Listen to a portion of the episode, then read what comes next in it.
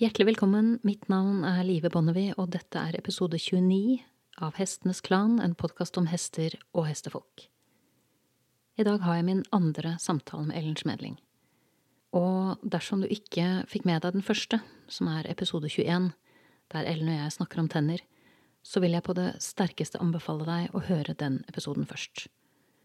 For ellers så tror jeg starten på denne episoden her blir veldig rar for deg. Det var nemlig slik at vi snakket ikke bare om tenner. Vi kom også i inngrep med en uh, fortelling om det å være menneske, om det å velge en vei folk ikke applauderer for, om det å ikke vike selv om det er fristende å gi seg, og en fortelling om viktigheten av å lytte til hestene fremfor å lytte etter de som har skrevet eller lest bøker om dem. Jeg har også behov for å komme med en advarsel i forkant av dagens episode, og den handler om at vi eh, kommer til å snakke om en veldig alvorlig ulykke. Og vi kommer til å beskrive deler av den ganske grafisk. Så det betyr at selv om dette er en podkast, så kan du risikere at det likevel er bilder som blir sittende igjen på netthinnen din etter at episoden er ferdig. Og det er jo noe man kan velge å skåne seg for. Så det tenker jeg at blir helt opp til deg om du velger å hoppe av eller spole over, eller, eh, eller rett og slett bare la være å høre på episoden. Du er et fritt menneske, og dette er heldigvis fortsatt et fritt land.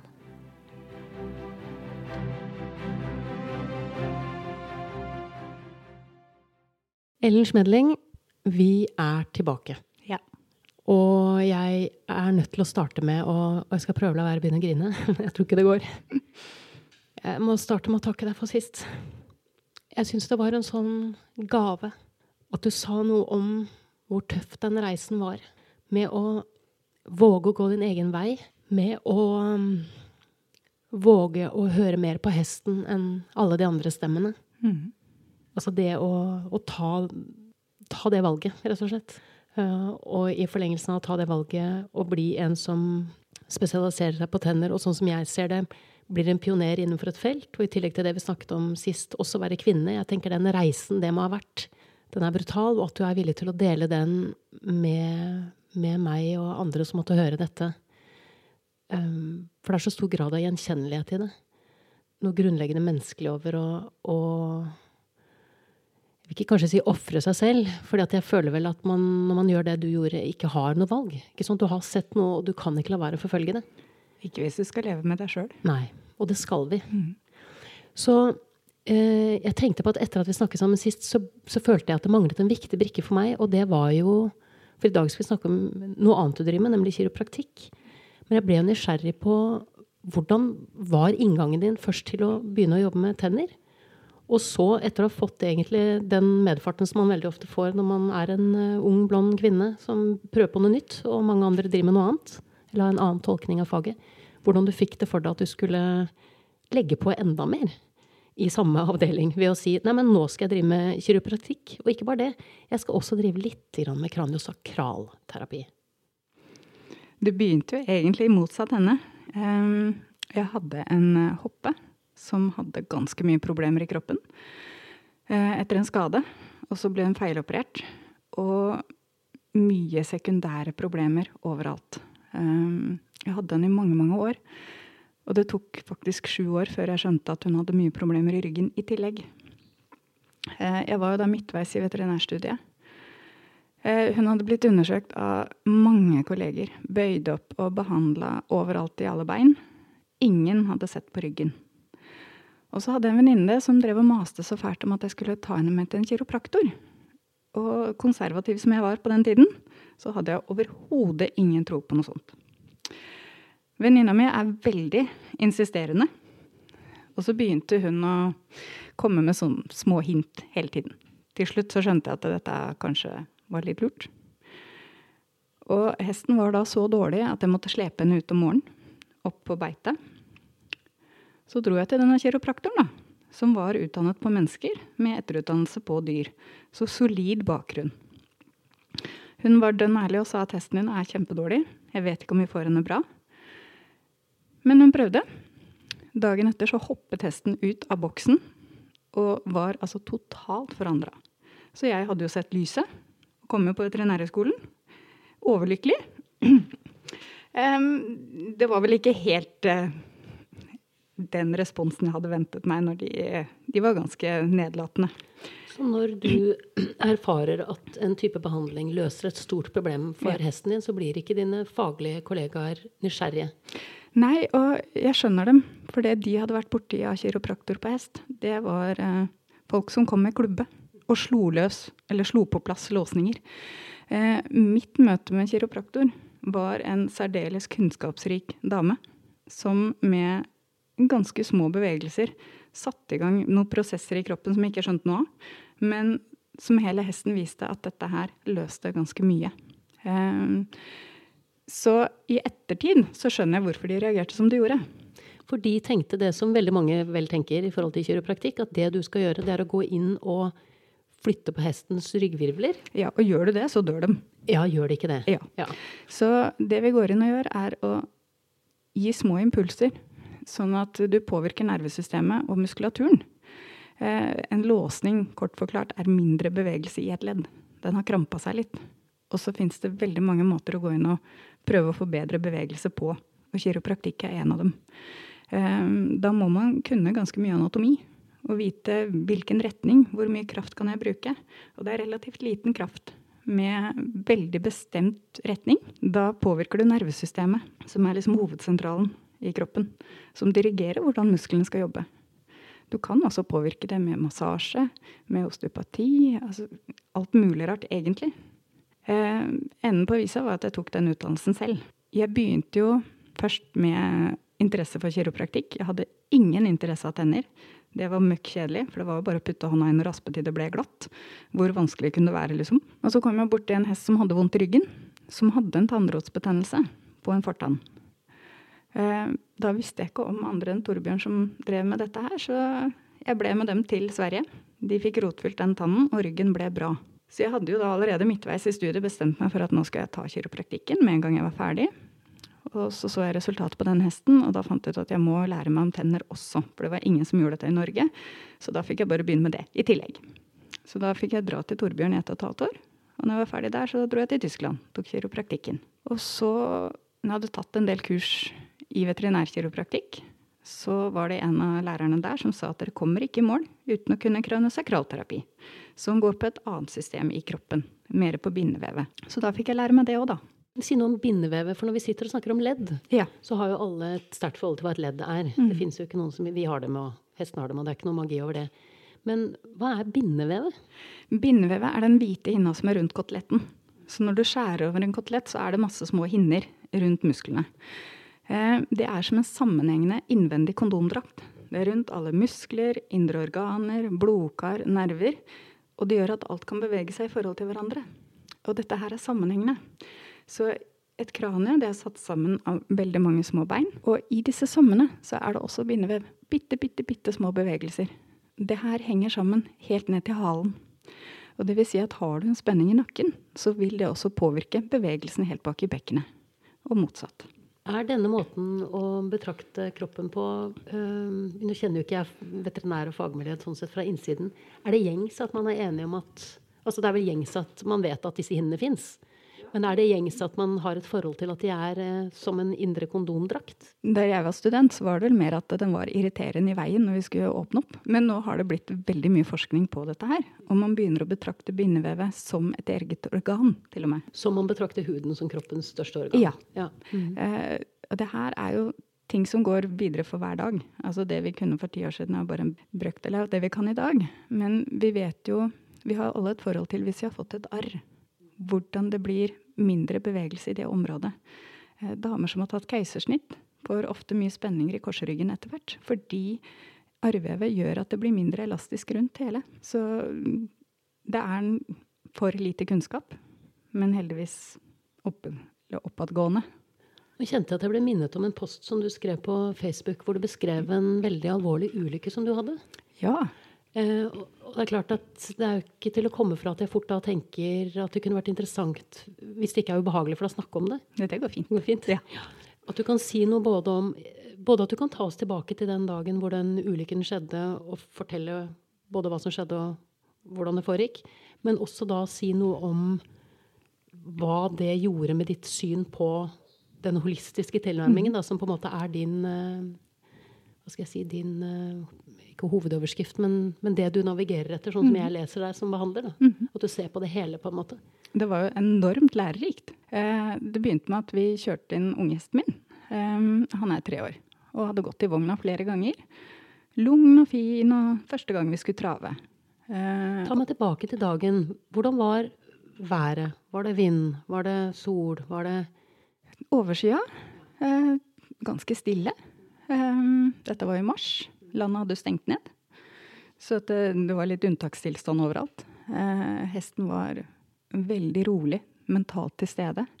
Jeg husker jeg tenkte at eh, jeg må passe på at jeg ikke slapper for mye av, fordi han er så rolig. Så jeg skal være på. Og det er noe av det siste jeg husker. Eh, jeg husker også at jeg tenkte at vi skal ikke stenge porten til ridebanen. Hvis det skjer noe, så skal han kunne komme ut. Det var bra at jeg gjorde det. Ehm, jeg travet. Ehm, siste minnet er at vi travet, og han gikk så fint. Og så fokusert og så flink lille hesten min. Jeg hadde oppstalløren min sto på midten, så vi, vi, er alltid to når vi jobber unghestene. Og så kommer vi opp til kortsiden, og så er det et eller annet han skvetter for, som er på utsiden av banen. Jeg vet ikke hva. Eh, og dette her har jeg ikke noe minne av. Jeg har bare fått fortalt. Eh, han skvetter, vogna tipper, og jeg blir slengt rett inn i en svær gjerdepåle. Eh, og han får panikk og løper av gårde, tar et par runder rundt ridebanen, før han da løper ut. Og underveis så hadde han visst tegn til at han ville prøve å hoppe ut, men så tok han heldigvis utgangen og løp til han da satte seg fast i stalldøra. Og der ble han stående til ambulansen hadde henta meg. Ehm, jeg våkner bare opp i en ambulanse, eh, og de sier at jeg skal få morfin. Så jeg rekker aldri å få noe særlig smerter. Eh, det var ganske ubehagelig, for jeg knuste ansiktet. Kjeven var delt i tre. Ehm, Så du traff stolpen ja. fes først? Ja. Jeg hadde ridehjelm på. Hvis ikke så hadde det nok ikke gått så bra. Nei. Nei. Det ville kosta deg livet, tenker du? hvis du ikke hadde hatt ja, det, det er jeg ganske sikker på. For det var relativt knust. Ehm, så jeg våkner opp. Ansiktet henger jo ikke helt sammen. Eh, litt i ørska. De prater om covid som jeg ikke helt klarer å koble. Det var ganske deilig å ha de få minuttene pause fra, vekk fra koronaen. Um, kommer inn på sjukehuset. Um, overvåking første natta. Uh, rett inn på operasjon dagen etter. Uh, fikk operert inn åtte plater i ansiktet. Uh, måten de gjør dette på, er at de rett og slett bretter opp hele ansiktet. Og så måtte de da stifte fast en del. Så jeg fikk hele overkjeven er jo sydd sammen. Åtte plater totalt. Jeg var litt redd. Fordi jeg visste hvor viktig disse små bevegelsene i kranieknoklene er. Og jeg vet hvor stor skade det kan få på sikt hvis ikke den bevegelsen blir opprettholdt. Så jeg var ganske letta når jeg fikk se bildene og, og så at de har ikke gått over noen sømmer og så lappa sammen noen sømmer. Eh, jeg hadde problemer med å løfte høyre arm og hadde ikke helt styrke i den. Men, øh, men øh, hadde det sammenheng da med hvordan denne armen hadde truffet bakken, tror du? Nei, jeg tror ikke det. Jeg tror dette her kom fra smellen. Altså når du treffer ansiktet i uh, en viss hastighet, som jeg da tydeligvis har gjort, så får du et ganske stort slag. Og det påvirker hele kroppen. Så bruddskader, de gror veldig fort. Men så har du den andre kraften som setter seg i resten av kroppen. Den er litt verre å bli klok på. Så jeg hadde ikke kontroll på høyrearmen. Jeg måtte bruke to hender når jeg skulle drikke et glass. Og så fikk jeg besøk av en venninne som da satt akupunktur. For hele landet var jo stengt ned, så vi måtte gå via andre kanaler. Eh, hun satt noen få nåler, og i løpet av elleve timer så hadde jeg nesten blitt helt bra. Noen dager etterpå kom hun og behandlet en gang til, og da var armen helt fin. Full kontroll. Problemet mitt var bekkenet. Alle så ansiktet, og at det var hovent og forslått, og stakkars deg. Ansiktet var faktisk ikke særlig smertefullt. Det var ubehagelig og stivt. Jeg kunne ikke gape. Men bekkenet var vanvittig vondt. Det var vondt for hvert steg jeg gikk. Men det så ikke folk. For det var ikke halvt, for å bruke det ordet på det? Det var vondt å ta beinet fram og belaste det. Mm. Så framføringshalt. Så hvis du hadde vært en hest, Ja. så ville jeg naturlig nok fokusert på det ansiktet som hadde, eller på en måte fjeset som hadde truffet gjerdestolpen. Og hvis du ikke var hals, ville det aldri falt på meg enn at du kunne hatt et problem med bekkenet. Nei. For det ville jo du ikke, hvis du hadde vært hest, kunne fortalt. Nei, og, og jeg opplevde jo det at folk trodde meg ikke. Jeg sa at det er bekkenet som er vondt. Ja, men ansiktet ditt er jo skada. Ja, men det er faktisk ikke vondt. Um, og så gikk jeg til kiropraktor. En veldig dyktig fyr. Det hjalp absolutt ingenting. Og så gikk jeg til en osteopat som begynte å behandle nakken og kjeven. Og på to behandlinger så var bekkenet smertefritt. Og da rørte den ikke bekkenet på de to gangene. Men det har å gjøre med hvordan kroppen henger sammen. Hvilke hinner som går hvor. Hvordan bindevevet henger sammen i hele kroppen. Så når han da jobbet i nakken hvor jeg hadde fått en skikkelig smell, da påvirka det hele veien ned til bekkenet. Og det var veldig nyttig for meg som behandler. Fordi du vil ikke alltid ha vondt der problemet sitter. Det er mange som sier at uh, vi skulle ønske dyra kunne prate og fortelle hvor de har vondt. Er ikke alltid det hjelper, det heller. Jeg hadde vondt i bekkenet. Hjalp ikke å behandle bekkenet. Ja, så var det ingen som trodde på deg heller. Nei. Selv om du hadde ord. Så det, Ja. Så jeg måtte gå noen runder med meg sjøl. Når du da øh, jobber med en hest, øh, så har du altså, Det er ikke så lenge siden jeg så et bilde du hadde lagt ut på Facebook hvor du har én og samme hest på et sånt før og etter behandlingsbilde. Eh, og der ser det ut som to forskjellige hester. Ja. Tatt på to forskjellige dager. Ja. Ja. Den underhalsen som var der, ble borte. Benstillingen er en helt annen. Altså hele konstitusjonen til hesten er forandret. Uh, og man kan sikkert mene en million ting om uh, hva man syns og tenker, men det er vanskelig for meg å se bort fra et sånt bilde. For jeg tenker der forteller hesten meg veldig mye om hvordan den har det.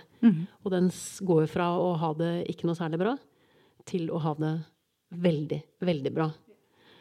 Og da blir jeg jo kjempenysgjerrig på hvordan er det du praktiserer faget ditt når jeg kommer til deg med en hest som har fått en skade som jeg vet hva er. Eh, og da vil jo jeg som eier selvfølgelig være hyperfokusert, si at det er en dypere bøyesende på venstre fram. Så vil jeg ha fokuset mitt der. Der er skaden. Og da spør jeg deg, hva er det som gjør at den får den skaden på venstre fram? Hva er det som ligger til grunn? En hest som beveger seg som den skal, vil ha en ganske god støtdemping i muskulatur, sånn at leddet og senene får minst mulig belastning. Hvis hestens muskulatur ikke gjør jobben sin, da får du økt belastning på sener og ledd, og økt skaderisk. Så min jobb som veterinærkiropraktor, det er å gå inn og prøve å få muskulaturen til å jobbe så riktig den kan. Og det gjør vi med masse forskjellige teknikker. Eh, Jeg bruker kranosakralterapi, forskjellige bindevevsteknikker, kiropraktikk. Kroppen stiller seg opp sånn den gjør fordi den får beskjed av hjernen om å stå sånn. For det er det som gir minst mulig belastning når den skal stå og hvile. Eh, har du en skade f.eks. i nakken, så vil det kunne påvirke hele kroppen bakover og endre måten den står på.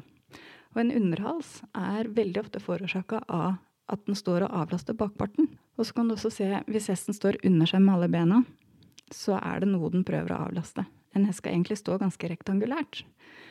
Da jeg var student, så lærte vi at dette var god eller dårlig bygning. Mm. Det var det som var så påfallende med det bildet. Ja. For det var nettopp det det så ut som. Det så ut som Ja. en hest med dårlig Ja. og god bygning. Ja. Gudbenådet gitt fra fødsel.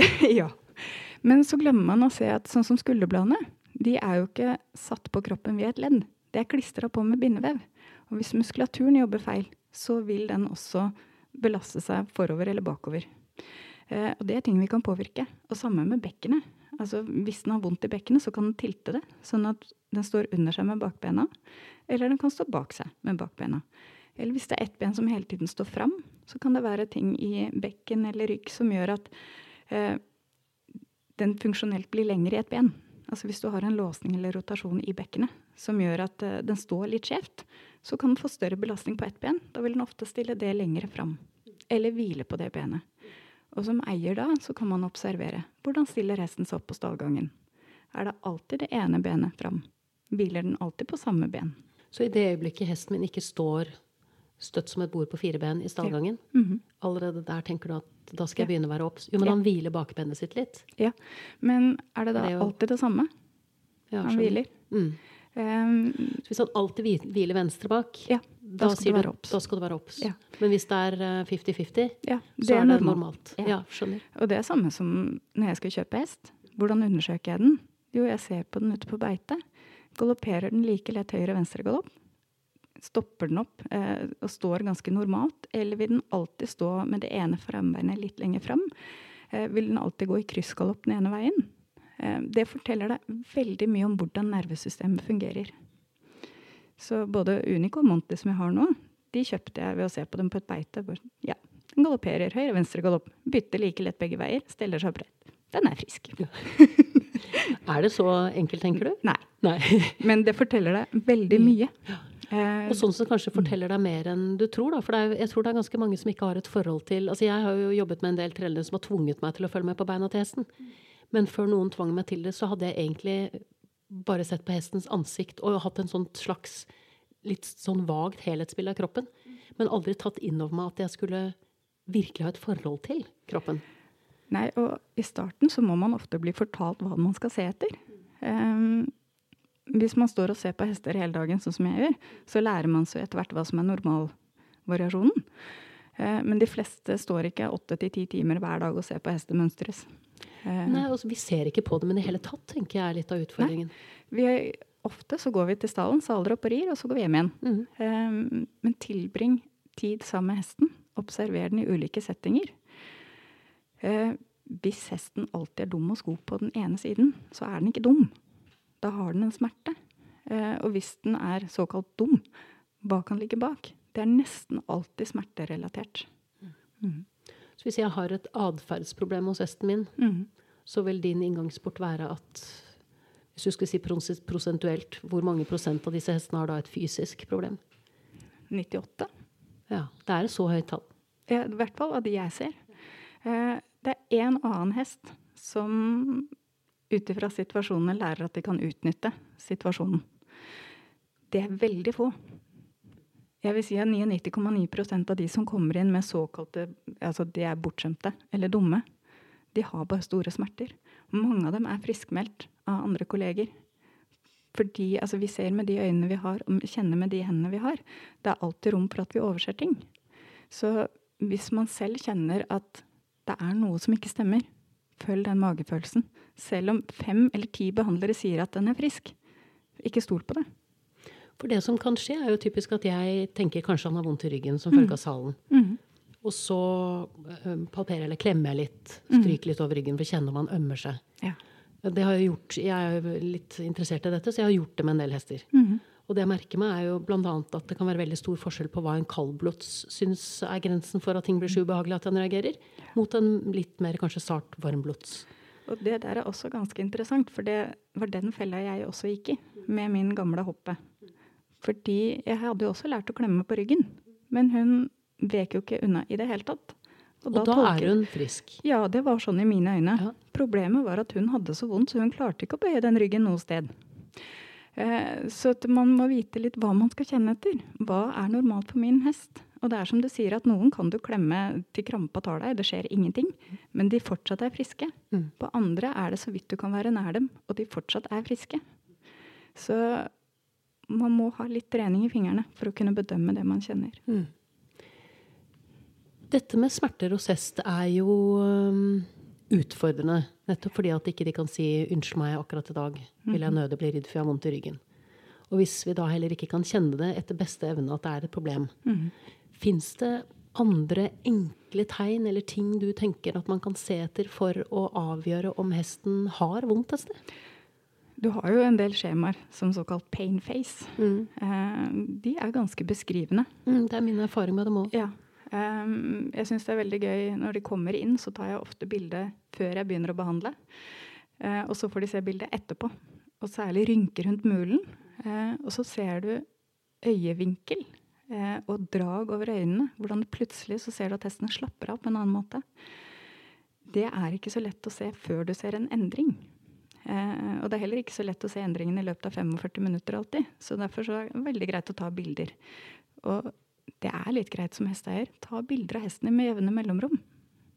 Eh, jeg gjør det selv med mine egne. Ta vare på videoer. Og tar jevnlig videoer for oss å se Og da kan du plutselig oppdage over tid at det her er ikke sånn det var for to år siden. Det er noe som har pågått. Så et triks rett og slett for å motvirke det man kan kalle å være husblind, da. Mm. Fordi at du ser hesten hver dag, og denne uheldige tingen som oppstår, som kanskje kan ha skjedd på beite en gang du ikke var der, Ja. og som ikke syns fordi hesten ikke er halt, men som ligger der som en sånn latent problemstilling som etter Ja. hvert vil utvikle seg. Og hester er mestere på å skjule smerte. Mm. De er så flinke, og det tok meg sju år å skjønne at hesten min hadde vondt i ryggen. Og da er jeg veterinærstudent, og hun hadde vært gjennom utallige veterinærbesøk. Så jeg pleier å bruke det som beskrivelse når eierne kommer hit og føler seg inkompetente, og de blir så lei seg for at de har oversett så mye smerte i så lang tid. Det er vanskelig. Og er det også din erfaring da at, eh, at det er mye av det? Ja. Mye mer enn vi tror. Ja, for det er, jo det, det er jo det som er litt smertefullt. Nå har ikke jeg din kompetanse i det hele tatt, men jeg har jo øvet opp blikket mitt såpass etter hvert at jeg ser nok mer enn mange andre gjør. Ja. Og jeg må innrømme at det plager meg at det er såpass mye av det. Det er veldig mye. Eh, Jeg behandler jo litt på hund også, og det er jo akkurat det samme der. Og så ser du på mennesker. Hvor mange av oss går ikke rundt med en del plager? Eh, forskjellen til hest er jo at vi ber dem gjøre en jobb, og så hører vi ikke alltid når de sier at de har vondt. Eh, mange av disse tingene kan du også til en viss grad ri bedre. Men det forutsetter jo at du lytter til hesten underveis. Ri bedre. Der eh, kommer vi inn på noe som eh, jeg har diskutert med andre også. Dette med å ha en hest som er såkalt tøylehalt. Ja. Det skulle vært bra interessant å høre ditt eh, perspektiv på det. Min erfaring er at de ofte går og kompenserer. Hvis det er sånn at problemet er like tydelig hver dag, og at du rir det vekk i løpet av en time, og det er til stede dagen etter, så har du ikke gjort noe som helst. Da er det noe du må gå inn og behandle. Er det sånn at du kjenner Så da er det ikke en rytterfeil. Nei, det er det ofte, sjelden, faktisk. Ikke sant? For det er jo det som ofte ligger i tøylehalt. At hvis du setter eh, det er jo diskutert med andre også, hvis du setter en god rytter opp på en hest som er tøllhalt, så vil Mhm. den kunne fungere veldig bra etter en stund. Ja, fordi de ofte kan maskere det lettere. Mm. Mm. Jeg har jo ofte opplevd at god ridning vil jo bygge opp hesten, og at du får mindre stivhet etterpå. Og at hesten vil være bedre dagen etter. Da vet du at da har du fått gjort noe med grunnproblemet. For det kan du også Mye av det kan du trene vekk. Men må du begynne på nytt hver dag, så er det ofte et fysisk problem hos hesten som du må få hjelp til å behandle vekk, og så kan du trene det vekk. Jeg fikk lyst til å gå tilbake til den ulykken du hadde med Monty. Mhm. Når du skadet deg og havnet i ambulanse. Ja. Da løp jo han ut av denne porten Mhm. Istedenfor gjennom gjerdet, som ville vært et eh, dårlig alternativ. Men han ville jo valgt det hvis ikke porten hadde stått åpen. Ja. Så løper han inn i en stall, Mhm. men han har fortsatt noe hengende på bak. ja. Han sitter jo fast i døra. Da sitter han fast i døra. Ja. Eh, Da gjetter jeg på at han ikke tok det så rolig. Nei, han prøvde å slå seg løs. Ja. Eh, så døra gikk i stykker. Ja. Og da ble jeg jo enda mer nysgjerrig, merker jeg, når Ja. døra gikk i stykker. Ja. Hvordan gikk det med ham oppi alt dette her? Altså, for du har jo da hatt din på en måte sykdomshistorie i følge av, eh, liksom, følge av den ulykken. Og du har jo det blikket du har på hest. Så hva skjedde med Monty? Eh, han var veldig forslått, og så ble han veldig redd for døra. Eh, det tok litt tid før jeg kunne begynne å behandle den. Eh, rett og slett fordi jeg var så forslått sjøl. Og en litt sånn mental sperre. At eh, jeg kunne ikke hjelpe han med de tingene. Det, det ble for nærme, selv om jeg gjerne behandler mine egne. Men det gikk ikke. Så jeg har jo flere andre som hjelper meg å behandle mine egne hester. Deriblant en veldig dyktig massør. Eh, og vi fikk han relativt eh, fort ganske mye bedre. Han ble ikke halt lenger. Så Hvor var det han halte? Eh, høyre fram. Mm. Eh, for han var rett og slett forslått, for hele vogna hadde jo tippa og gått og slått i han. Så han hadde litt skrubbsår og sånt noe. Men tilsynelatende relativt fin, da. Eh, og noen måneder etterpå så skulle jeg stå pussen på stallgangen. Og plutselig så står han og får et akutt anfall av headshaking. Og det var helt ekstremt. Han sto bare og rista på huet. Og litt som om han fikk støt hele tiden. Og jeg tenkte at jeg må prøve å hjelpe han. Da hadde jo jeg blitt frisk og begynt å jobbe igjen i mellomtiden. Um, og så kjente jeg et av disse små bena inni skallen. Der hvor synsnerven går ut. Den hadde ikke normal bevegelse. Og da snakker du om de flakene, på en måte, som Ja. hestens hodeskalle består av. Kraneknoklene, Ja, rett og som, slett. og det er jo, folk tenker jo bare på det som ett hode, men det er litt som med jordkloden med disse store Ja. platene. ikke sant? Det, de beveger seg. Ikke akkurat. voldsomt mye, men det er plater Det er bitte, bitte, bitte små bevegelser. Og for at nervesystemet skal fungere optimalt, så må den bevegelsen være i orden. Og på han da, så satt det ene benet, var ikke full bevegelse. Og det påvirka nerveimpulsen, så han fikk akutt headshaking. Eh, Det ble 80% bedre mens jeg sto og jobbet med han i 40 minutter. Eh, og Noen dager etterpå så kom en venninne på besøk og ga han ny behandling. Og da sluttet det. Helt. Eh, Og jeg opplevde det samme for noen år siden, da jeg skled på vei ut av bilen og landa med bakhuet på stigetrinnet på bilen. Fikk kraftig hjernerystelse og var ordentlig dårlig i ti uker. Jeg kunne se bevegelse som gikk fra høyre til venstre uten problem. Men motsatt vei så var det som om noen ga hjernen min støt. Og det var så ubehagelig, så jeg kunne ikke se på TV i det hele tatt. Jeg hadde prøvd jevnlig i løpet av de ti ukene. Um, jeg hadde jo da hørt om kraniosakralterapi, men jeg hadde ikke så mye erfaring med det. Og for de som ikke har et forhold til kraniosakralterapi, det høres jo veldig det høres veldig alternativt ut. Ja, vi kaller det hu- og ræva-terapi. Ja, det høres mye mer Ja, folkelig ut. ja.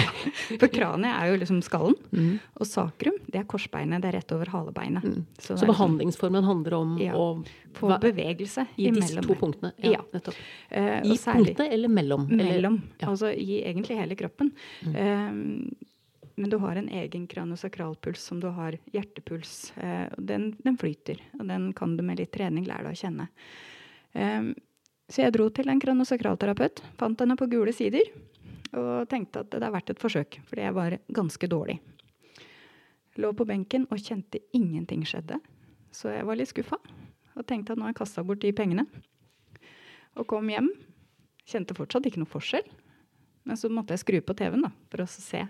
For det var der du hadde merka symptomet ditt best. Ja, Eller hvis noe gikk forbi meg Ja. i feil retning. Eh, Men det hadde jo ikke kjørt noen biler forbi meg på vei hjem, så jeg hadde jo ikke fått testa det. Og jeg kunne se på TV i sju timer non stop. Mm. Og jeg var frisk. For det var en liten endring i et av de, en av de knoklene som sitter i bakhodet, Mm. som påvirka synsimpulsen. Så det var som å vri om bryteren. Og min følelse av det minnet om oppførselen til Monty når han fikk den akutte headshakingen. Og det sluttet like brått. Jeg må jo bare ta skrittet videre da, fordi jeg har vært borte i dette syndromet. Altså dette at en hest er en headshaker. Hvor man lurer på om den har øremidd Ja. og klør desperat. Og prøver i og for seg alle tenkelige løsninger for å prøve å, altså for å, prøve å finne ut av det. Er det din erfaring at dette er en vanlig grunn til at hester kan være headshakere? Jeg vet ikke. Jeg tror det er en, et symptom med veldig mange forskjellige mulige årsaker. Jeg har behandlet flere. Noen med veldig bra resultat, andre uten påvirkning i det hele tatt. Jeg har behandlet noen hvor jeg har renset karies, og så har det blitt bra. Um, så jeg tror det er sammensatt. Og så må man egentlig prøve seg fram. For det er ikke en én sykdom. Det er et symptom. Ja, ikke sant? Mhm. Så denne tilnærmingen som du da har på hest, eh, den fremstår veldig holistisk. Eh, Som for meg lyder litt som musikk i ørene, fordi jeg opplever at eh, hesten er en organisme som er veldig komplisert. Og at det er da viktig å være åpen for å angripe et problem fra flere ulike kanter. Um, Du sa jo litt sist om, om hva du møtte i fagmiljøet når du startet å jobbe med tenner. Hvordan var mottagelsen? Jeg ble litt sånn imponert over at du etter å ha fått en runde fikk på, på tenner, tenkte at nå kjører vi på med kiropraktikk i tillegg. Men hvordan var møtet ditt med fagmiljøet da? Hva tenker godt etablerte veterinærer som har vært lenge i bransjen rundt kiropraktikk? Har du noe referanse på det? Jeg, jeg fikk jo klar beskjed av mine lærere på veterinærhøgskolen at de, de så på meg, og så sa rett ut jeg trodde du skulle bli veterinær. Ja. Ja. Eh, jeg var jo fra før klassifisert som en liten tulling. Så jeg hadde ikke På så mye grunn å av dette med tennene? Ja, altså, jeg, jeg begynte jo med begge deler samtidig. Så det, det hadde ikke så mye å tape, egentlig. Det, Eh, og så er det Altså, hestene mine har jo vist meg hele tiden hvilken vei jeg skal gå. Eh, og det begynte jo med den hoppa som jeg tok da til kiropraktoren. Og da spilte det ikke så stor rolle at andre kalte meg for en tulling, eh, og at jeg ikke visste hva jeg drev med. Fordi jeg skjønte at jeg må lære dette. Eh, hesten er en helhet, og ingen veterinær hadde funnet ut av henne. Vi må ha flere. Da, på den tiden så var det tre stykker i Norge som hadde den utdannelsen. Um, den tannutdannelsen? Nei, med veterinærkiropraktikk. Ja. Ja. Mm. Eh, og så hadde jeg da en datter til denne hesten eh, som falt på isen som toåring. Så hun ble jo permanent skjev. Og jeg tror jo at du får den hesten du trenger, ikke den du tror du trenger. Så uten de to så hadde jeg aldri jobbet med det jeg gjør i dag. Eh, for hun viste meg også at jeg måtte gå videre i forhold til kraniosakralterapi. Um, fordi hun hadde mye senskader etter det fallet som toåring. Og da jeg fikk henne så bra som hun kunne bli, så døde hun. Uh, og da fikk jeg Unico, som da har vist meg at jeg må gå enda videre. Så nå begynner jeg på ny utdannelse. For da har jo både han og Monty vist meg at det er mye senplager etter kastrering. Så arrvev i forbindelse med det lager veldig mye problemer. Så nå er det to hester som har vist meg så tydelig det går an at jeg må sette i gang med det òg. Så det blir en nok en ja. utdanning på deg? Ja. To og et halvt år til. To og et halvt år til. Ja. ja. Men det er hestene som har vist vei? Ja. Eh, da spiller det egentlig ikke så mye rolle hva andre sier, hvis de viser meg veldig tydelig at her må du gå inn og lære mer. Og så tror jeg også at du får den læreren du trenger, da, når du er klar. Så da har jeg vært så vanvittig heldig. Hver gang det har vært nødvendig, så har jeg fått den læreren. Så jeg kom i kontakt med en veldig dyktig veterinærosteopat fra Danmark som behandlet hestene mine innvendig med altså osteopati for å få løsnet opp i kastrasjonsproblemene innvendig. Og det var total forandring. Og hun behandlet jo også flere av pasientene mine. Og da måtte jeg bare gå videre med det, da. Mm. Så det blir hestene som blir din ledestjerne, mer enn uh, ekspertene som sier at dette er tull, på et vis? da? Ja. Jeg hører mer på hestene. Ja. Og så er det hvis du kjenner hesten din Jeg bor sammen med hestene mine på gården. Jeg er sammen med dem hele tiden. Jeg drar på ferie sammen med dem. Eh, hvis, hvis, jeg lærer å observere dem, så vil jeg lære Eller da kan jeg plukke opp mer. Eh, men det er jo ikke lett. For det tok jo Unico ble kastrert for ti år siden. Og det var først for halvannet år siden at jeg begynte å kjenne problemer etter det. Og det var også på bakgrunn av at jeg hadde tatt videoer fra flere år tilbake. For det begynte Det var noe som ikke stemte. Og eh, det var veldig vanskelig, for jeg klarte ikke å finne ut av det. Eh, og jeg har hatt mange behandlere på han, for jeg er redd for å overse ting selv. Hvordan var det det materialiserte seg? Altså det at du så at det var noe som ikke stemte? Eh, han begynte å vri ut høyre bakbein. Mm. Han ble trang bak. Han har alltid vært veldig bredbent. Alltid slitt høvene helt perfekt. Og så i løpet av to, de to-tre siste årene, altså mange år etter kastrasjonen, så begynte han å vri mer og mer. Eh, han ble stutt i galoppen. Altså hadde ikke noe flyt. Han sluttet å skafte ut når han tisset. Eh, altså ikke noe sånn som skjedde over natta, men det var så gradvis. Men jeg tok da video og så på han for to år tilbake, så dette her det er noe som ikke stemmer. Og, og, det eneste jeg da kom fram til, var at det måtte sitte noe etter kastrering, for jeg hadde hørt om det. Mm. Jeg har også hørt om det. Ja. Mm. Uh, og da kom jeg heldigvis i kontakt med en kollega der fra Danmark.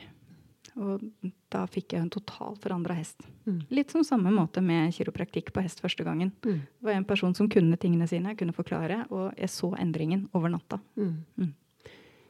tenkte Jeg hadde lyst til å avslutte med å um, Jeg blir veldig nysgjerrig på hva er det som gjør at eh, en veterinær som har som jobb at dyr skal være mm, skadefrie, smertefrie og ha det bra.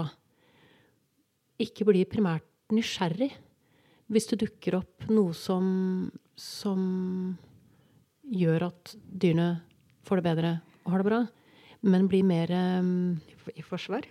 Ja, i forsvar, eller uh, Ja, kanskje det er i forsvar. Altså hvorfor uh, Særlig hvis det er resultater, så syns jeg på en måte det er litt rart at ikke Jeg syns det er litt rart at ikke de også ser på hesten. For hvis, hvis, jeg skal konkludere nå etter den samtalen med deg med at jeg hører hva du sier, men jeg tenker kiropraktikk og kranus og sakral og dette bindvevstingene, det, en, det er en fiks idé. Mm -hmm. eh, da er jo det litt interessant å trekke den konklusjonen hvis ikke jeg har sett deg behandle. Jeg tror mye av det skyldes litt frykt for at du vet ikke hva det er. Mm. Og så kreves det mye for å sette seg inn i det. Um, og det, det, er lettere å skyve det vekk mm. enn å gå i det og være nysgjerrig. Det gjelder jo egentlig alt i livet når jeg tenker ja, meg om. Ja, jeg tror det, altså. Så jeg har jo mange kolleger som kommer og hospiterer mm. og blir nysgjerrige og tar utdannelsen og går ut og jobber med det. Mm. Og flere av dem sier etterpå at det var noe helt annet enn det de trodde. For det er litt mitt inntrykk òg. Ja. Altså for jeg har også sett bilder av Det var riktignok en elefant, tror jeg, men altså en, mm. en solid, kraftig mann med en treslegge ja. uh, oppå ryggen og, og så kline til. Ja, det, ikke, Jeg har ikke noe med kiropraktikk å gjøre. Nei, men det er klart at hvis ja. det starter der, da, ja. så kan det kanskje være vanskelig å komme og si at dette handler om nerver. Ja, For det er jo det jeg har hørt veterinærer si. altså at uh, Hallo i luken, den ryggraden der, den, altså, det er ikke sånn, du flytter ikke på den. Nei, og det, Nei. det gjør du faktisk ikke. Ikke sant. Eh, og tilbakemeldingen fra kolleger som har begynt på disse utdannelsene, er jo at de, de visste ikke at det dreide seg så mye om nervesystemet. At det er jo faktisk medisin vi jobber med. Eh, du får brukt anatomien, fysiologien, biomekanikken. Altså det er hele systemet. Det er kroppen som en helhet. Eh, hvordan påvirker det munnen at hestens bakport ikke fungerer som den skal? Eh, hvis hesten har vondt i munnen, altså rotbetennelse, hvordan påvirker det bekkenet? For da vil du ofte kjenne det på muskulaturen. Det var faktisk en tannlege som forsket en del på dette her i Norge for noen år siden. Og han trakk jo tenner hvis folk hadde vondt i ryggen. Og så sto det en stor overskrift i VG 'trekker tenner for ryggsmerter'. Det var jo ikke helt sånn, men har du en rotbetennelse, så vil det kunne gi smerter i ryggen, blant annet. Og hvis du blir kvitt den betennelsen, så kan du da bli kvitt de sekundære problemene. Mm. Og det er litt å se hvordan ting henger sammen. Det er ikke alltid svart-hvitt. Mm. Det er vel veldig sjelden. Ja, dessverre. Ja. Av og til så savner jeg den tiden hvor ting var enkelt. Vi snakket jo litt om det innledningsvis, for vi begynte å ri omtrent på samme tid. Mm. En tid hvor høy var høy, ja. skoing var skoing, bit var bit, og sal var den salen som treneren du beundret, brukte. Ja. Og så var det ferdig snakka. Ja. Men nå har det blitt en vitenskap. Ja, og så holder vi hestene helt annerledes også. Du tenker at det har hatt mye å si? Jeg tror det har veldig mye å si. Fordi altså bare for uh, Da jeg var ponnirytter, så var vi jo tre stykker i hele regionen som kunne ri en lett. Eh, man hadde hest eh, stort sett på sånne små gårdsbruk rundt omkring. Eh, man red på tur. Hvis du rir veldig variert, så er det jo kanskje ikke så store krav til at salen passer så optimalt som om du da skal ri ensidig i ridehuset en time hver dag med ganske store krav til prestasjon. Så at du kommer unna med litt mer når kravene ikke er så høye. Så kombinasjonen av at kravene er høye, og at vi har blitt veldig spisset på hvor vi vil med hestene, ja ja. har kanskje gjort den vitenskapen nødvendig. Ja. Og så vi ber om mer tidligere. Mm. Før de kanskje er ferdig utvokst. Hva tenker du om det, når du snakker om skjelett, bindevev, sener, muskler? At vi tar Jeg har sett en trend i islandshestmiljøet. I gamle dager så sa man at du drev jo ikke så mye med den før den var ferdig utvokst. Ja. Da snakker vi rundt fem år. Mm -hmm. Nå er det ganske vanlig å, å, ta de første stegene under rytter når det er to og et halvt. Ja. Og så setter man dem bort lenge. Men jeg tenker litt sånn for meg er det som å sende tiåringen min på eller nå har han blitt 14, men yngste sønnen min, sende ham på universitetet på en forelesning i, i um, metafysikk. Mm. Eh, I en alder av 14 år i håp om at når han kommer tilbake dit som 25-åring, så skal det ha gitt ham et fortrinn. Altså for, for, meg gir ikke dette mening. Men hvordan ser det ut for deg som kjenner hesten bedre fra innsiden? Jeg er veldig glad i å begynne tidlig, mm. men gjøre veldig lite. Mm. Og ikke noe belastning. Det er den belastningen jeg er opptatt av. Ja. For jeg er enig i at man skal gjøre ja. tidlig, men, men ja. å sitte på dem jeg begynner gjerne å sitte på dem den våren de fyller tre. Ja, eh, og så er det da snakk om individuelt hvor tidlig er de ferdig. Mm. Og det er jo individuelt. Og det er ikke bare fra rase til rase. Mm. Unico han var veldig krevende. Han ville at vi skulle gjøre ting hele tiden. Så der gikk jeg mye raskere fram. Men det var snakk om å sitte på han et par ganger i uken. Fem minutter. Eh, men da kunne jeg skritte og trave og galoppere relativt kjapt. For det var sånn vær så god, kjør på. Monty helt annerledes. Der er det musesteg. Fordi han sover så mye. Han vokser så mye fortsatt i en alder av nå tre og et halvt. Han ligger ute gjerne fire ganger før lunsj. Eh, og jeg kan se på han fra dag til dag når han er klar for å gjøre noen ting på bakgrunn av hvor mye han ligger og sover, og hvordan han møter meg når jeg skal ut i paddocken. Eh, så han kan godt ha en vokseperiode og ha lyst til at jeg skal ri, men jeg sitter på han kanskje to runder. Eh, begynner tidlig. Men det å begynne å be en unghest om å gå i form med rytter i skritt, trav og galopp, og du skal ri runde etter runde, det tror jeg er direkte helseskadelig. Mm. Men å kanskje kjøre dem inn, tømmekjøre på tur, ta dem med på eh, altså, hengetreninger, løshoppinger. Altså, de skal gjerne oppleve ting. Mm. Og så må de ha tid til å modnes imellom, mentalt. Mm. Mm. Og anatomien deres må ha tid til å modnes, ikke minst. Ja, ja, ja. Og de vokser forskjellig. Mm. Eh, og derfor så kan det bli veldig feil med en del av disse her eh, tingene de skal ut på. For de er ikke klare fysisk eller mentalt, noen av dem. Mens andre er helt klare. Mm. Og da gjelder det som trener å ha is i magen. Jeg har vel ennå ikke sett en hest som har hatt noe skade av å bruke lengre tid. Nei. Nei. Det med tid er et viktig stikkord, tenker jeg. Mm. Det er fort gjort å få det for travelt. Ja. Ellen, eh, jeg vil takke deg dypt og inderlig for å ha stilt opp et intervju til. Takk. Um, for å få innsikt i det du ser, i den enden der du jobber. Um, og også få dette perspektivet på din erfaring med din egen skade. Mm. For jeg tror at Jeg har ikke hatt noen alvorlig skade selv, sånn som du har, men jeg har opplevd å ha vondt i kroppen som ikke syns fra utsiden. Mm.